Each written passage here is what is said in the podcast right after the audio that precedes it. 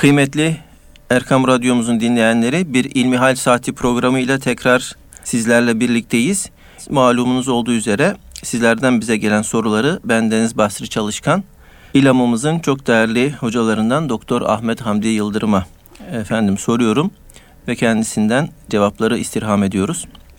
Muhterem hocam, bugün yine bize dinleyenlerimizden ulaşan sorular var. İlki şöyle, Gebelikte ve çocuk doğduktan sonra yapılan aşıların maddi zararlarının yanında manevi zararları hakkında bilgi almak istiyorum. Belli bir kesim bu yapılan aşıların çocuğa özellikle manevi yönden zararların olduğunu söylemiş ve yazmış bulunuyorlar. Evladımıza bizim manevi yönden veremediğimiz eksikliğimiz çok elbette orası açık bir gerçek. Ancak bu aşılarda mikrop olduğu ve bir takım hayvanlardan üretildiği söyleniyor. Bu durumda aşıları yaptırmam faydalı mı olur yoksa zararlı mı olur diye soruyor değerli dinleyenimiz. Evet, elhamdülillahi rabbil alemin ve salatu ve selamu ala Resulina Muhammedin ve ala alihi ve sahbihi ecmain. Şaban-ı Şerif ayına girmiş bulunuyoruz. Evet. Hepimizin Şaban-ı Şerif ayı mübarek olsun. Efendimiz Aleyhisselatü Vesselam Recep ayında ve Şaban ayında Allahümme barik lena fi Recebe ve Şaban ve bellighna Ramazan duasını sıkça yaparlarmış. Ya Rabbi Recep ve Şaban aylarını bizim için bereketli kıl, mübarek kıl ve Ramazan-ı Şerif ayına bizleri erdir, ulaştır.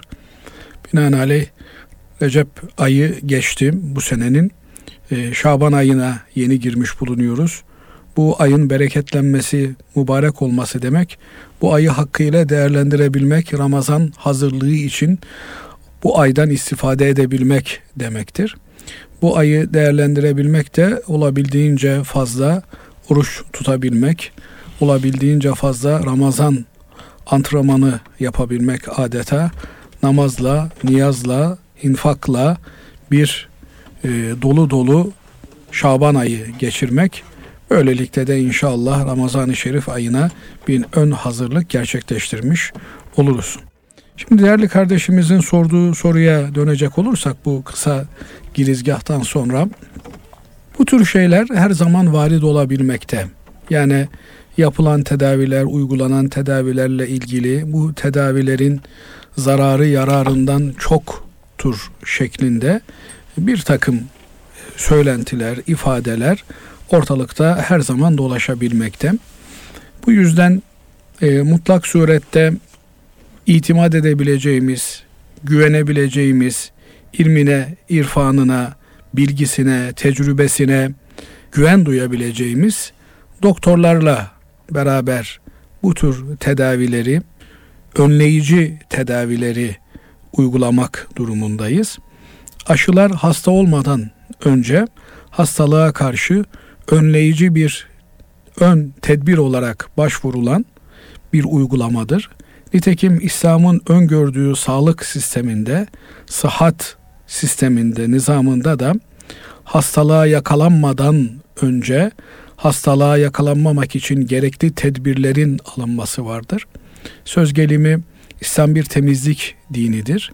Temizlik dinin yarısı olarak nitelendirilmiştir imanın yarısı olarak ifade buyurulmuştur.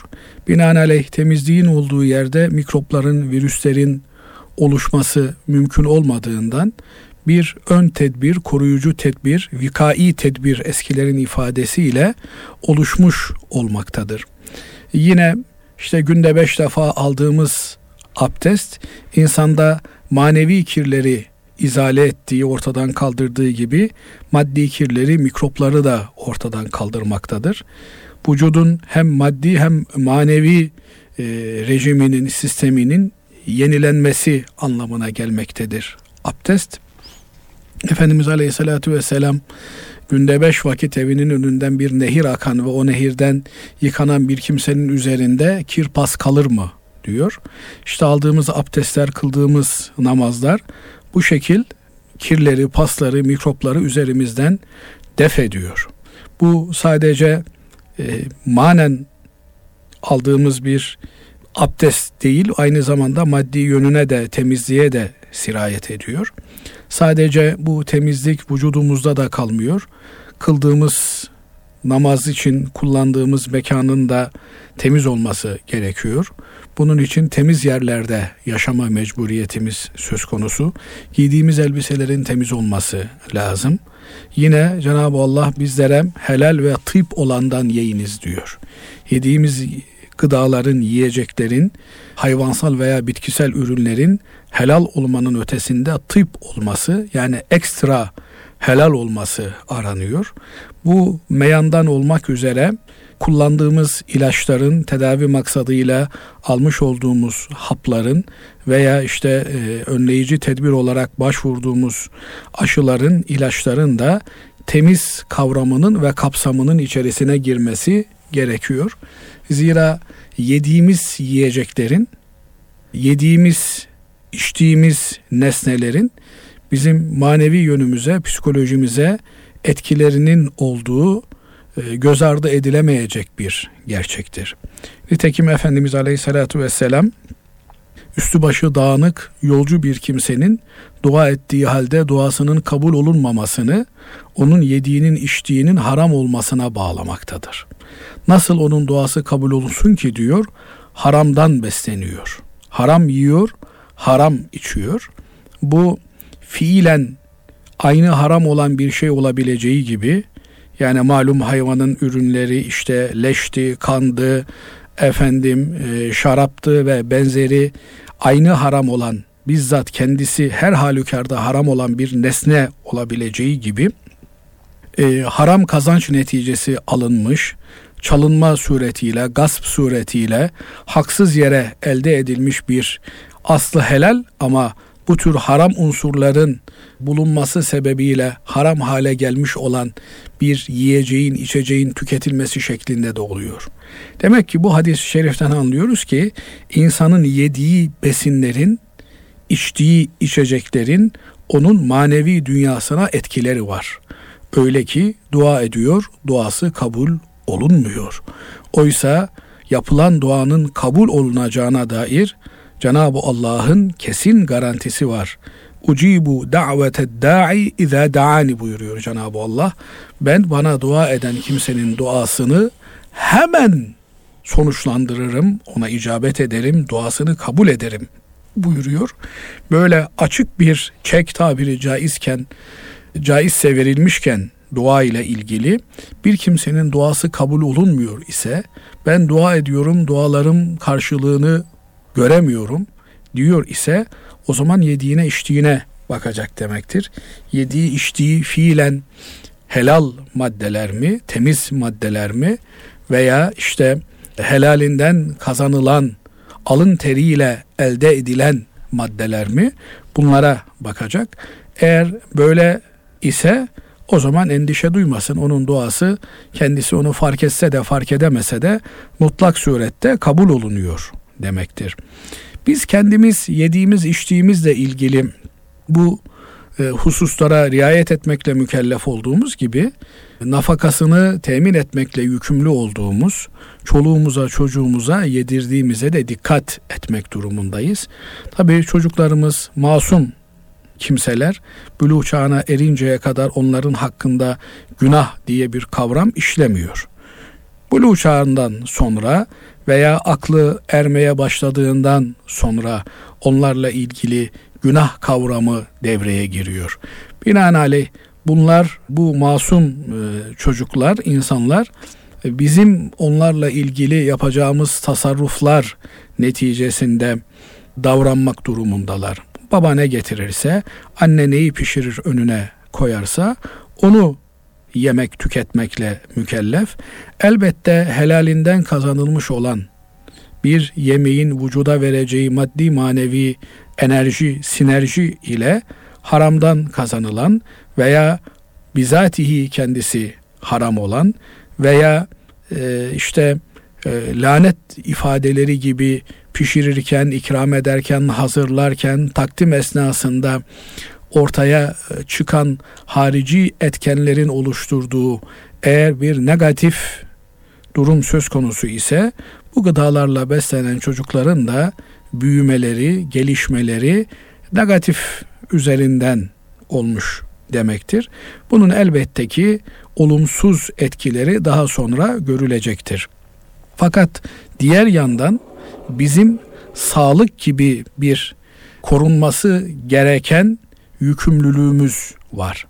Yani ibadet edebilmek için, Cenab-ı Allah'a kulluk edebilmek için sağlığımızı muhafaza etme mükellefiyetimiz, zorunluluğumuz var. Evet.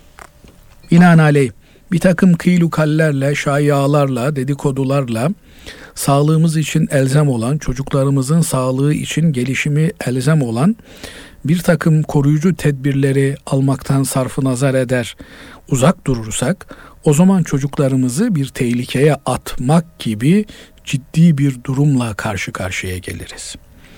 Müslümanlar elbette çocuklarına yedirecekleri bütün yemekleri, onların sağlıkları için kullanacakları bütün koruyucu tedbir bağlamındaki aşıları kendileri üretmeli. Müslümanların ürettiği helal onaylı olan aşıları tüketmeli ve kullanmalı. Bunun için baskı yapmalı gerekli mercilere. Fakat eğer bir tabibi hazik eskilerin ifadesiyle e, alanında uzman, ne dediğini bilen, söylediğinin de ahiret sorumluluğunu taşıyan. Bu çok önemli. Yani bir doktor vardır adı Müslüman ama ahiret inancı yok. Biz öldükten sonra bir daha inan dirileceğiz mi filan yapmakta veya Mekkeli müşriklerin ki onların da Allah inancı var. Allah'ın olduğuna inanıyorlar. Evet. Ama aynı zamanda Hz. Peygamber aleyhissalatü vesselam Efendimizin önüne çürümüş bir kemik parçası ile geliyorlar. Onu ufalıyorlar ve diyorlar ki e, bundan mı Allah bizi yaratacak diyorlar. Cenab-ı Allah da diyor ki kendi yaratılışlarını unutup da bize çürümüş kemikleri misal veriyorlar. Yasin suresinin evet. son sayfasında evet. bunu anlatıyor Cenab-ı Allah. Ve peşinde de diyor ki sizi ilk yaratan o kemiklerden tekrar yaratmaya kadirdir.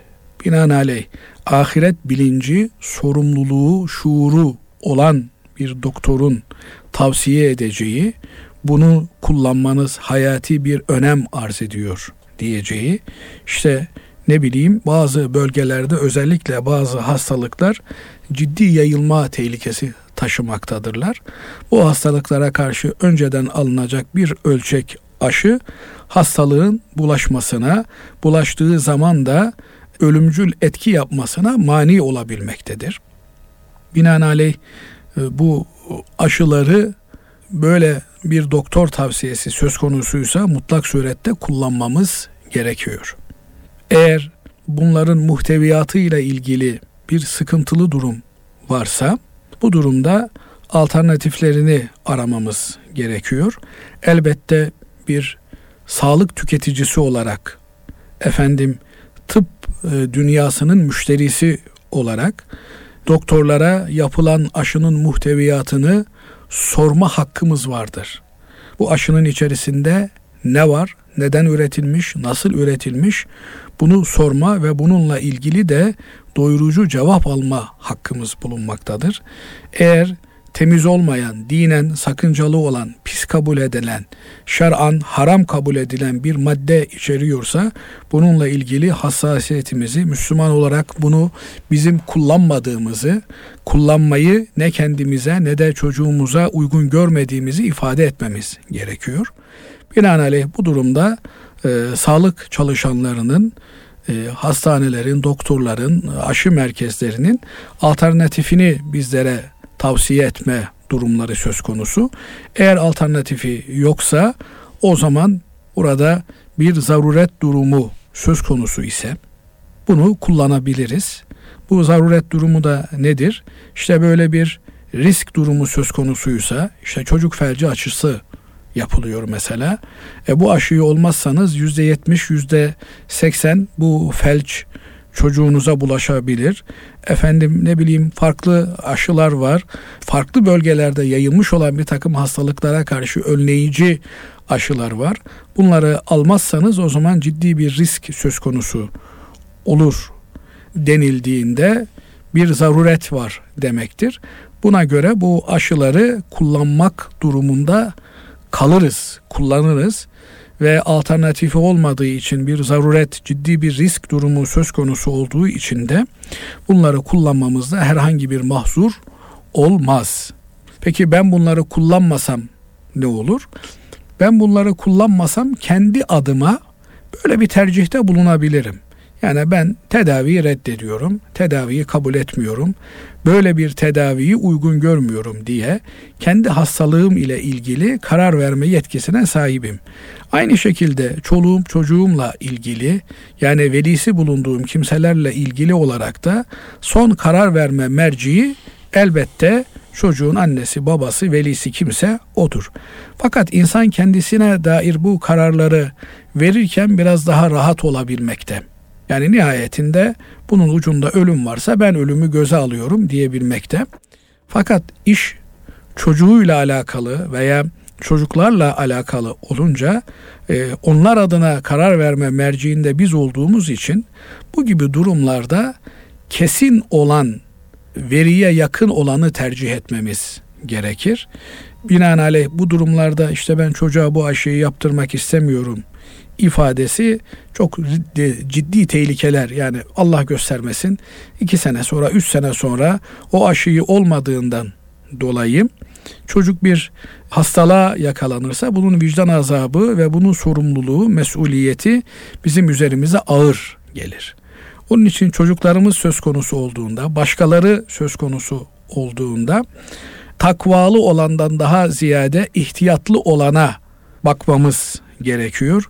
Belki biz kendimiz için efendim ben hasta olmayı, hastalığın günahlarımı eritmesini tercih ederim.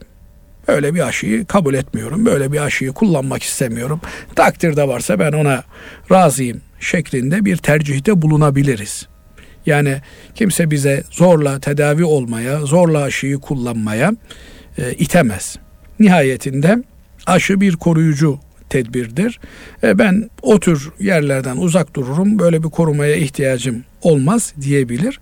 Ama az önce de ifade ettiğim için üzerimizde bir emanet olarak bulunan ve emanete riayet etmemiz bizden istenilen çocukların, başkalarının hayatları söz konusu olduğunda burada bizim ihtiyat cihetini tercih etmemiz gerekir. Bu yönüyle kardeşimize özetle şunları söylemek isterim. Evet. evet yediklerimiz, içtiklerimiz bunların helal olması, bunların temiz olması bizim ve bakmakla yükümlü olduğumuz kimselerin karakterine, manevi ve maddi yönlerine etki eder. Fakat aşıdan daha önemli olan şeyler söz konusudur. Bunlar da günlük yediğimiz şeyler, alternatifi bulunan nesneler. İşte hadi aşı için diyebiliriz ki alternatifi yok bunun. Binaenaleyh bu gibi şeylere biraz daha toleransla, müsamahayla yaklaşabiliriz. Fakat alternatifi olan veya olmasa ne kaybedeceğiz? Söz gelimi bir çikolata yemesek ne kaybederiz? Efendim filan şekerli ürünü yemesek ne kaybederiz? Aksine kazanırız. Bu tür şeylerle ilgili alternatifi olduğundan, alternatifi olmadığı yerde de zorunlu olmadığından daha dikkat etmemiz ve bu hususta çocuklarımıza bir bilinç oluşturmamız önemli. Elbette yediklerimiz, içtiklerimiz çok mühim. Bu durumda eğer imanımız, eğer İslami inancımız ve bilincimiz bir takım şeyleri yememizi engelliyorsa bunlardan uzak durmamız gerekiyor. Böylelikle hem maddi hem de manevi yönümüzü olabilecek, meydana gelebilecek olumsuzluklardan kurtarmamız, kurtulmamız mümkün olabilsin inşallah. Allah razı olsun hocam. Etraflıca konuyu izah ettiniz. Şimdi diğer bir dinleyicimiz şöyle demiş. Esselamu Aleyküm. Eğer izniniz olursa vekaleten hac konusuyla ilgili bir sorum olacak. Sorum şu. Vekaleten hacca giden birisi hac esnasında rahatsızlanıp yürümede güçlük çekme ihtimali varsa şeytan taşlama için bir başkasını kendi yerine vekil tayin edebilir mi? Yoksa daha hacca gitmeden önce kendisini vekaleten hacca gönderen kişiden bu ve buna benzer durumların ortaya çıkabileceğini düşünerek bu gibi durumların ortaya çıkması halinde kendisinin de başkalarını vekil tayin etme iznini ayrıca önceden alması gerekir mi? Bu izin nasıl olmalı demiş ve teşekkür etmiş efendim. Evet bu teknik bir konu. Vekalet e, vekaleti içerir mi içermez mi meselesiyle ilgili. fıkıh kaidemiz şunu söyler. Eşşey'u yestetbi'u mislehu ve dunehu. Bir şey kendisini ve daha altını taşır. Binaenaleyh vekalet, vekaleti zımnında barındırır. Bir kimse bir konuyla ilgili vekalet almışsa o konuyu yapmak üzere bir başkasına vekalet verebilir. Söz gelimi bu kardeşimiz diyelim ki Basri hocam ben sizin yerinize vekalet haç yapıyorum. Evet. Ne demek vekalet haç yapmak demek? Üzerine haç farz olan kimse fiilen haccı yerine getirebilecek haccın eda şartlarını taşımıyor demek. Aşırı yaşlılık var. E, amadır götüreni yok. Topaldır yürüme imkanı yok. Veya işte vaktiyle zengin imiş de hacca gitmemiş ölmüş. Ama malından vasiyet etmiş ki efendim benim hac borcum vardı bu haccı yaptırın diye işte parasını da bırakıyorum diye vasiyet etmiş. Şimdi böyle bir durumda vekaleten hac yapan kimse söz gelimi işte az önce ben sizin adınıza hac yapıyor isem evet. ihram giyme bölgesine geldiğimizdeki ona mikat diyoruz. Evet. Bizzat o bölgeye gelindiğinde bu icraatlar yerine getirilir. Ama havaalanından veya evden de söz gelimi işte uçağımız akşam 5'te ben saat 12'de evden çıktım. ihramımı giydim. iki rekat namaz kılıp ihrama haç için ihrama niyet edeceğim. İki rekat namazı kılıp haç için ihrama niyet edeceğim zaman derim ki Ya Rabbi Basri çalışkan adına senin beytini hac etmeye niyet ettim. Bunu bana kolay kıl, bunu kabul buyur diye niyet ederim. Binaenaleyh ben bu niyetle beraber e, işte hac ihramına girmiş olurum. Artık ben Basri çalışkan adına hac yapan bir kimseyim. Evet. Her münasebette de mesela e, Arafat vakfesinde de Ya Rabbi e, senin rızan için Basri Çalışkan adına bu vakfeye duruyorum. Bu tavafı yapıyorum. Efendim işte şu ibadeti yapıyorum diye dile getiririm veya baştaki niyet bunun hepsini karşılar. Söz gelimi kardeşimizin sorduğu gibi Arafat vakfesinden sonra Müzdelife vakfesine geçtik. Vakfeyi yaptık. Peşinden de Mina'ya geldik. Şeytan taşladık. Birinci gün taşlamayı bitirdim. Otele gittim. Bir sıtma tuttu beni. Hareket edemeyecek duruma geldim. Ertesi gün yine şeytan taşlama var. Üçüncü gün yine şeytan taşlama var. Bu şeytan taşlamaları için Mina'ya hareket edebilecek mecalim yok. O da arkadaşımdan rica ettim veya işte hacı arkadaşlarımdan birinden rica ettim. Dedim ki kardeşim ben Basri Çalışkan Bey adına hac yapıyordum ama şu anda şeytan taşlayabilecek imkana sahip değilim. Gücüm, kuvvetim, takatim yerinde değil. Siz Basri Çalışkan Bey adına bu taşları atar mısınız diye rica ettim. O da hay hay dedi. Kendi taşlarını attı ve sonrasında da Basri Çalışkan adına şeytanı taşlıyorum dedi. Üç şeytana da taşlarını yedişer kere attı. Sizin yani kimin adına vekalette haç yapılmışsa onun taşları atılmış olur. Binaenaleyh vekalet kabul eden kendi içerisinde vekalet kabul eden alanlarda bu şekilde haç vekaleti almış olan bir kimse fiili imkansızlıklar sebebiyle bir başkasına normal bir hacı nasıl vekalet verebiliyorsa vekaleten haç yapan kimse de vekalet verebilir. Şu kadar var ki vekaleten haç yapılan adına haç yapılan kimsenin adı zikredilir. Bu e, yerlerde işte söz gelimi mesele kurban kesilecek değil mi? Adam kıran haccı yapmış veya temettü haccı yapmıştır. Kurban kesilecek. Kurban kimin adına kesilecek? İşte kimin adına hac yapılıyorsa söz gelimi evet. sizin adınıza ise baslı çalışkan adına kesilecektir. Evet. E kendim kesemiyorum kurbanı. Ne yapıyorum ben? Basri çalışkan adına vekalet veriyorum. Evet, evet. Bu... Kesen de basri çalışkan adına o kurbanı kesiyor. Evet. evet. evet. Vakfede de mesela vakfeye çıkamazsa değerli hocam orada da aynı vekalet geçerli olur mu? Vakfeye çıkamazsa haccı olmaz. Evet. Vakfe vekalet yani vekaletle hac yapan kimsenin orada Bulunması. e, bulunması gerekir. Niye? Ha, burada şunu diyebilirsiniz. Yani vekaleti devredebilir mi? evet. Yolun ortasında vekalet yani iki kişiyle vekalet haç yapılmıyor. Tek kişiyle vekalet haç yapılıyor. Yani söz gelimi ben haccı dörde böleyim. Dört kişiye vekalet vereyim. Bunlar işte başını biri yapsın, ortasını biri yapsın, sonunu biri yapsın diye bir şey yok. Hac toplu bir ibadet. Başından mesela şöyle düşünün. Dört rekatlı bir namaz. Değil mi? Bu dört rekatlı namazın birinci rekatı, ikinci, üçüncü, dördüncü rekatı bir anda kılınmalı. Ben e, birinci rekatı bugün kılayım, ikinci rekatı yarın kılayım olmayacağı gibi haçta da haccın mikattan ihramlı geçme kısmını biri yapsın, öbürünü öbürü yapsın olursa tam bir haç olmuş olmaz. Binaenaleyh mikatı, mikat sınırını Evet. hatta ve hatta kimin adına haç yapılacak ise onun evinden vekil olan haç yola çıkar. Yani söz gelimi ben Ümraniye'de oturuyorum. Siz Gaziantep'te oturuyorsunuz. Ha, Evet. Bu enteresan. Daha fazla adres detayları vermeyeyim. ben eğer sizin yerinize Evet. hacca gideceksem sizin evinizden hacca çıkarım. Çok önemli bir mevzu. Ha, Evet. burada ev tabi sembolik bir ifade. Şu anlamda söylüyorum. Yani siz haccı nasıl yapacaksanız ben haccı öyle yapmam gerekir. Anladım. Söz gelimi Türkiye'den biri hacca gidiyor işte 3 bin 5 bin dolara mal oluyor.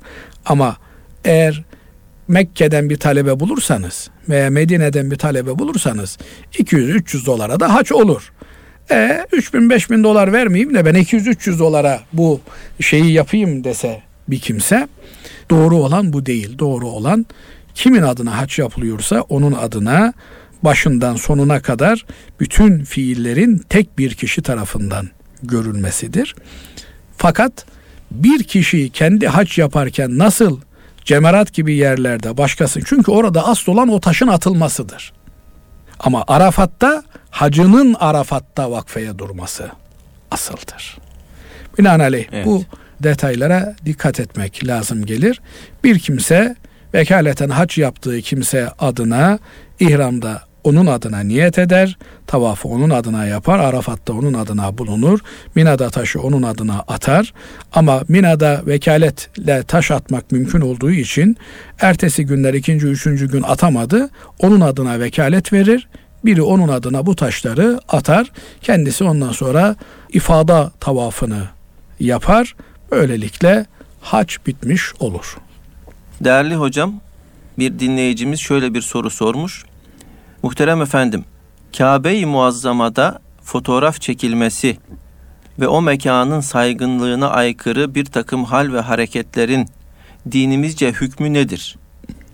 Evet Kabe-i Muazzama bütün Müslümanların gönlünde ziyaret etmeyi besledikleri muazzam bir yer.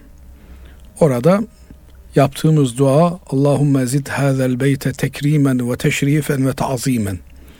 Ya Rabbi bu beytin şerefini, hürmetini, azametini sen arttır.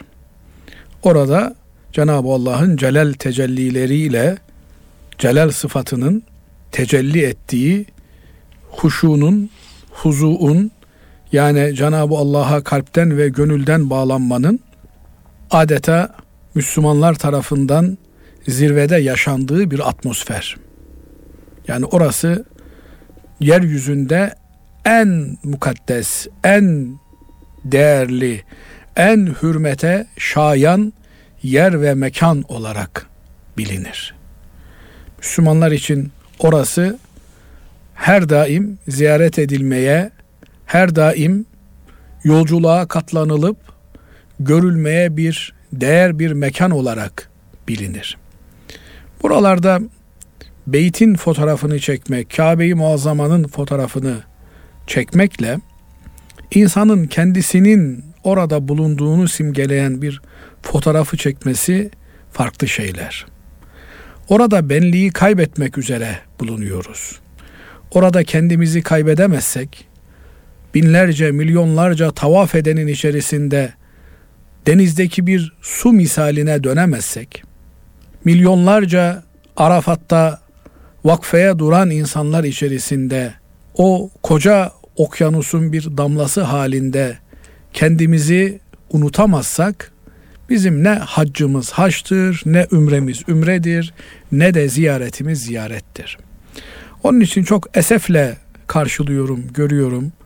Oralarda Kabe-i Muazzama'yı fon yaparak adeta fotoğraf çekmeler, ben de buradayım dercesine riya kokan, gösteriş kokan, başkalarına çalım satma hevesiyle yapılan hareketler Allah'ın ve peygamberinin aleyhissalatu vesselam Efendimizin razı olacağı, hoşnuş olacağı şeyler değil. Oralarda bir garip olarak bulunmak lazım. Oralarda hiçbir şeyi olmayan, hiçbir dayanağı olmayan, Allah'tan başka gidecek kapısı olmayan, Allah'tan başka yalvaracak kimsesi olmayan, boynu bükük bir kul olarak bulunmak lazım. Mültezeme yapışıp ağlamak, gözyaşı dökmek lazım. Fotoğraf vermek, sırıtmak, gülücükler dağıtmak, alkışlar yapmak değil. Nitekim Cenab-ı Allah Kabe-i Muazzama'da alkışlar yapan, Müslümanların ibadetlerine mani olan müşrikleri anlatıyor. Onların lanetlik fiillerinden bahsediyor. Onlar bağırıp çağırarak, alkış tutarak ibadet edenlerin ibadetlerine nasıl mani oluyorlar onu tasvir ediyor bize. Binaenaleyh zaman zaman bir takım sosyal medyanın yayılmasıyla korkunç kazaların orada işlendiğini görüyoruz. Birileri çıkıyor, evlenme teklifi ediyor. Gülüşmeler, bağırışmalar, el şaklatmalar. O Kabe-i Muazzama'nın tavaf alanı içerisinde, matafın içerisinde tamamen dünya kokan, tamamen dünyanın da en rezilliğini, en pespayeliğini sergileyen hareketlerin icra edilmesi bir Müslüman olarak insanın kanına dokunuyor. Böyle mi olmalıydı ümmeti Muhammed? Kabe'yi muazzamayı görmek için can atan, parçalanan, yırtınan milyonlarca insan bulunuyor. Bir de oraya gelmiş ama oranın hürmetine, oranın azametine, oranın saygınlığına bağdaşmayan, zaten kendisi bir mukaddes nedir bilmeyen bir güruh da fotoğraf çektiriyor. Zaten Cenab-ı Allah her anımızı melekleri vasıtasıyla fotoğraflatıyor. Kaybolur, görünmez. Benim hac yaptığımı, ümre yaptığımı kimse bilmez diye düşünmesin kimse. Cenab-ı Allah yaptığımız her türlü amelin fotoğraflarıyla belgesini önümüze koyacak. Binaenaleyh hac, ümre zahmetli ibadetler. Bu zahmetli ibadetleri fotoğraflarla ben de buradayım türünden gösteriş ve riya kokan hareketlerle zedelemeyelim. Sevabını mahvetmeyelim. Eğer hac ve ümreyi Allah için yapıyor isek Allah bizim hac ve ümre yaptığımızı biliyor. Ama eğer Ahmet, Mehmet, Hasan, Hüseyin, Fatma, Ayşe görsün diye bu hac ve ümreyi yapıyorsak o zaman zaten yazık çektiğimiz zahmete, yazık harcadığımız paraya. Bu yönüyle yani bir insan Kabe'yi muazzamayı hatırında tutmak için Kabe'nin fotoğrafını çekebilir. Ama Kabe'de kendini katıraca koyarak fotoğraf çekmek ben buradayım ifadesidir. Şeytanı üzerine çekme teşebbüsüdür insanın. Dolayısıyla insan haya eder, bundan iştinab eder. Bakın namaz kılıyorum, fotoğraf çek. Bakın oruç tutuyorum, fotoğraf çek. Bakın zekat veriyorum, fotoğraf çek. Bakın hac yapıyorum, ümre yapıyorum, fotoğraf çek. Bunlar bir Müslümana yakışmayan şeyler. Eğer geçmişte böyle bir hareketimiz, eylemimiz olduysa tövbe istiğfar edelim. Bunlar şirk kokan şeyler. Kokan diyorum. Yani duman olmayan, ateş olmayan yerden duman tütmez. Şirkin pisliği olmasa orada o kokusu da çıkmaz. Binaenaleyh birileri görsün diye bir ibadet yapmak şirktir. Ya insanlar benim namaz kıldığımı görsünler. İnsanlar bilsinler ben hacca gittim, ben ümre yaptım. Böyle bir maksatla ibadet etmek şirktir. Riya nedir? Riya ah şimdi bana riya yaptı derler diye bir ibadeti yapmamak riyadır. Söz gelimi ben akşam namazının sünnetinden sonra evvabin kılıyorum. Ya şimdi burada evvabin kılsam diyecek ki insanlar ya işte bak gösteriş yapıyor. Bundan dolayı evvabini terk edersem riya etmiş olurum. Ama insanlar ne güzel namaz kılıyor desin. İnsanlar benim evvabil kıldığımı da görsün diye namazı kılarsam bunun adına şirk derler diyor İmam Nevevi Hazretleri. Ettibyan fi adabi hamaletil Kur'an adlı eserinde bu ayrıma dikkat çekiyor. Onun için zaten riya denilen şeyin gizli şirk olduğunu söylüyorlar. He, bu noktada şu da önemli bir husus. Mübareklerden bir tanesi talebelerine ikaz sadedinde diyor ki, oğlum diyor hizmetlerinizde riya olmasın, riyadan kaçının. Talebelerinden biri de bunu üzerine alıyor, hizmeti terk ediyor. Bir müddet sonra o talebesini yanına çağırıyor diyor ki, evladım ben riyayı terk edin dedim, hizmeti terk edin demedim. Yani ben riyadan kurtulamıyorum diye ibadeti terk etmek değil. Riyayı yani insanları ibadet ederken mülahazamızın dışına atmamız gerekiyor. Yani bir insan bir fotoğrafı niçin çeker? Yıllar sonra birilerine gösterirken işte 1997'de de hac yapmıştık Allah kabul etsin. Evet. Sen 1997'de işlediğin günahların çetelesini tut. Kılmadığın namazların çetelesini tut. İşlediğin cinayetlerin, kılmadığın namazların, tutmadığın oruçların, vermediğin zekatın çetelesini tut. Onlar sana lazım. Yoksa kıldığın namazın, tuttuğun orucun, yaptığın haccın zaten hesabını, kitabını tutan çok iyi tutuyor. Binaenaleyh bu tür şeylerden kaçınmak lazım. Cenab-ı Allah hepimize basiret versin, izan versin. Amin. Allah razı olsun. Değerli hocam, diğer bir dinleyicimiz şöyle demiş. Efendim size danışmak istediğim bir durum var. Zamanında bir günahın içindeydim. Bu günahımdan tövbe ettim ve kendimi İslam'a adadım. Benim gibi aynı günahın içindeki insanlara bir şeyi anlatmak, özlerine geri dönmelerini, tövbe etmelerini istemek için bu tarz insanların bulunduğu sosyal medya platformlarına takılıyorum. Günaha sevk edecek o kadar şeyin içinde insanları Allah'ı hatırlatmayı, benim gibi tevbe etmeleri için onlarla konuşuyorum. Fakat eşimin bundan haberi yok. Olsa da izin vermez. Bu yaptığım şey doğru mu diye soruyor değerli dinleyenimiz. Günahtan tövbe etmenin olmazsa olmaz şartı günah ortamını terk etmek, oradan uzaklaşmaktır. Nitekim Hz. Peygamber aleyhissalatü vesselam Efendimiz İsrail oğullarından bir zattan bahseder. Bu zat 99 kişiyi öldürmüş bir katil. Pişman olur, tövbe etmek ister. Yeryüzünün en bilgili insanı nerededir diye arar sorar bir zata götürürler. Bu zat alim bir zattır. 99 kişiyi öldürdüm benim tövbem var mı diye sorar. Bu zat da der ki 99 kişiyi öldürmüş birinin nasıl tövbesi olsun? Kızar onu da öldürür, sayıyı yüze tamamlar. Yeryüzünün en arif insanını sorar. Bir zata yine kendisini delalet ederler. Ona gitmesini söylerler. Gelir ben der böyleyken böyle 99 kişi öldürmüştüm. Birine sordum. O da senin tövben yok dedi. Onu da öldürdüm. Yüze tamamladım sayıyı der. Benim tövbem var mı? Der ki seninle tövbenin arasına kim girebilir? Allah'la senin arana kim set çekebilir, mani olabilir? Elbette tövbe edersen Allah tövbeni kabul eder. Fakat der, bunun için filan salihlerin olduğu belgeye, bölgeye gitmen, beldeye gitmen lazım der. Peki der.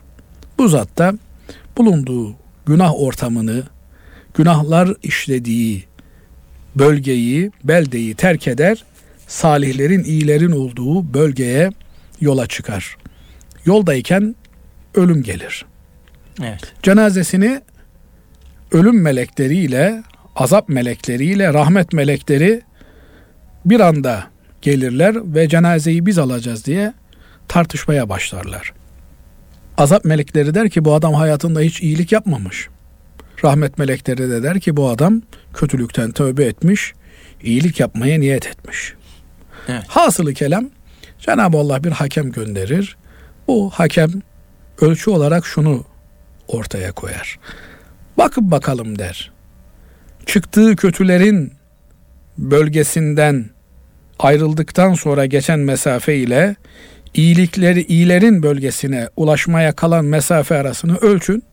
Hangi tarafa daha yakınsa oranın melekleri onları alsın der. Bir rivayete göre iyiliklerin olduğu köye, bölgeye, beldeye her neyse bir karış daha yakın çıkar. Bir rivayete göre öbür tarafa daha yakın çıkar. Cenab-ı Allah o taraftaki iyiliklerin tarafındaki yeri kısaltır, onun lehine bir değişiklik yapar. Hasılı kelam iyilik melekleri, rahmet melekleri onun cenazesini alır götürürler. Burada hadis alimlerimiz diyorlar ki tövbenin kabulünün olmazsa olmaz şartı günahın olduğu ortamı kişinin terk etmesidir. Binaenaleyh bu kardeşimize bizim tavsiyemiz günahın olduğu ortamı terk etmesi. Günah ortamında günahı akla getirecek, çağrıştıracak şeylerden uzak durmasıdır. Efendim ben aşılandım bu günahlar bana tesir etmez. Ben burada insanları kurtarmaya çalışıyorum. Türünden şeyler Allah muhafaza etsin. İnsanın daha sonra kendisini kaybetmesine sebep olacak şeyler olarak ortaya çıkabilir. Şeytana malzeme vermemek lazım. Şeytana göz kırpmamak lazım. Allah muhafaza etsin. Nereden bizimle uğraşacağı belli olmaz. Ala külli hal Müslüman her an bir tercih durumundadır. Eğer bu kardeşimiz mazisinde bir takım yanlışları varsa o yanlışları telafi etmek için hızlı ve süratli bir şekilde çalışmalıdır. Bunun için de öncelikli olarak eski bulunduğu ortamları terk etmelidir. İnsanlara iyi ortamlardan, güzel ortamlardan ulaşmaya çalışmalıdır. Peki böyle ortamlara gidilmesin mi? Buralarda tebliğ yapılmasın mı? Tebliğ yapmak lazım. Oralarda da tebliğ yapmak lazım. Fakat yalnız gitmemek lazım öyle ortamlara. Önce kendimizi korumaya almamız lazım. Ben bir koruma polisi kardeşimizle beraber bir muhabbet ediyordum. Dedim ki sizde dedim usul önce kendini mi koruyacaksın Yoksa korumakla görevli olduğun önemli şahsiyetimi koruyacaksın. Dedi ki bizde dedi ilk yapılması gereken şey koruma görevlisi olan polisin kendini korumaya ve güvenceye altı, altına almasıdır. Ondan sonra korumakla mükellef olduğumuz önemli şahsiyetin korumasını düşünürüz. Usul bu. Bu dinimizde de böyle. Yani önce kendimizi koruyacağız. Ha, İsar dediğimiz güzel bir hasletimiz var. Diğer gamlık, kardeşini kendinden daha fazla düşünmek. Bu dünyevi nimetlerle ilgili. Ben yiyeceğimi o yesin. Ama o günaha gireceğine ben günaha gireyim diye bir isar yok. Bu şeytanın isarı. Evet. Böyle bir isar yok. Veya ahirete müteallik olan meselelerde yani ben cennete gireceğime o cennete girsin. Böyle bir saçma durum yok. İsar dediğimiz o güzel haslet dünyevi nimetlerle ilgilidir. Ha ben arabaya bineceğime o binsin. Ben bu yemeği yiyeceğime o yesin. Ben bu elbiseyi giyeceğime o giysin. Amenna. Bunlar çok erdemli davranışlar. Ama ben cennete gideceğime o gitsin. Ben insanlar cennete gitsin diye dünyamı da ahiretimi de feda ettim. Böyle bir ahmaklık yok. Böyle bir ahmaklık yok. Önce kendimizi korumakla mükellefiz. Ku enfusekum ve ehlikum naran. Kendinizi ve çoluk çocuğunuzu. Bakın ayette de önce kendinizi diyor. Sen kendini korumadan sen cehennemlik olduktan sonra kimseye cennetin yolunu gösteremezsin. Önce kendimizi korumakla mükellefiz. Bu korumayı kendimizden başlatarak uçakta da mesela eğer diyor beraberinizde bir çocuk varsa ona oksijen maskesini kendi maskenizi taktıktan sonra takın. Evet. Yani önce kendini bir korumaya, garantiye alacaksın. Ondan sonra diğerlerini kurtarmaya başlayacaksın. Kendini koruyamayanın bir başkasını koruması mümkün değil. Bu kardeşimize de tavsiyemiz kendini korumaya alması, önce kendisini muhafaza etmesi. He, bu insanlara yardımcı olmak gibi bir niyeti varsa bunu yalnızken değil. Yani internete mi giriyorsun?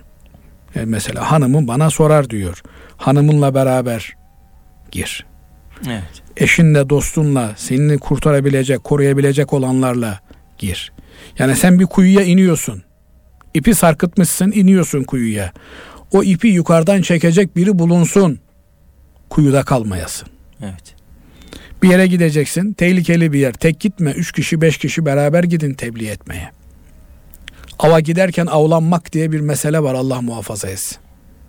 Evet. Şeytan her an üzerimizde ayağımızın altından, sağımızdan, solumuzdan bize ulaşmaya çalışıyor. Ona fırsat vermemek lazım. Vesselam. Allah razı olsun değerli hocam. Teşekkür ediyoruz. Değerli dinleyenlerimiz, İlmihal Saati programımıza burada nihayet veriyoruz. Hepinizi Allah'a emanet ediyoruz. Hoşçakalın.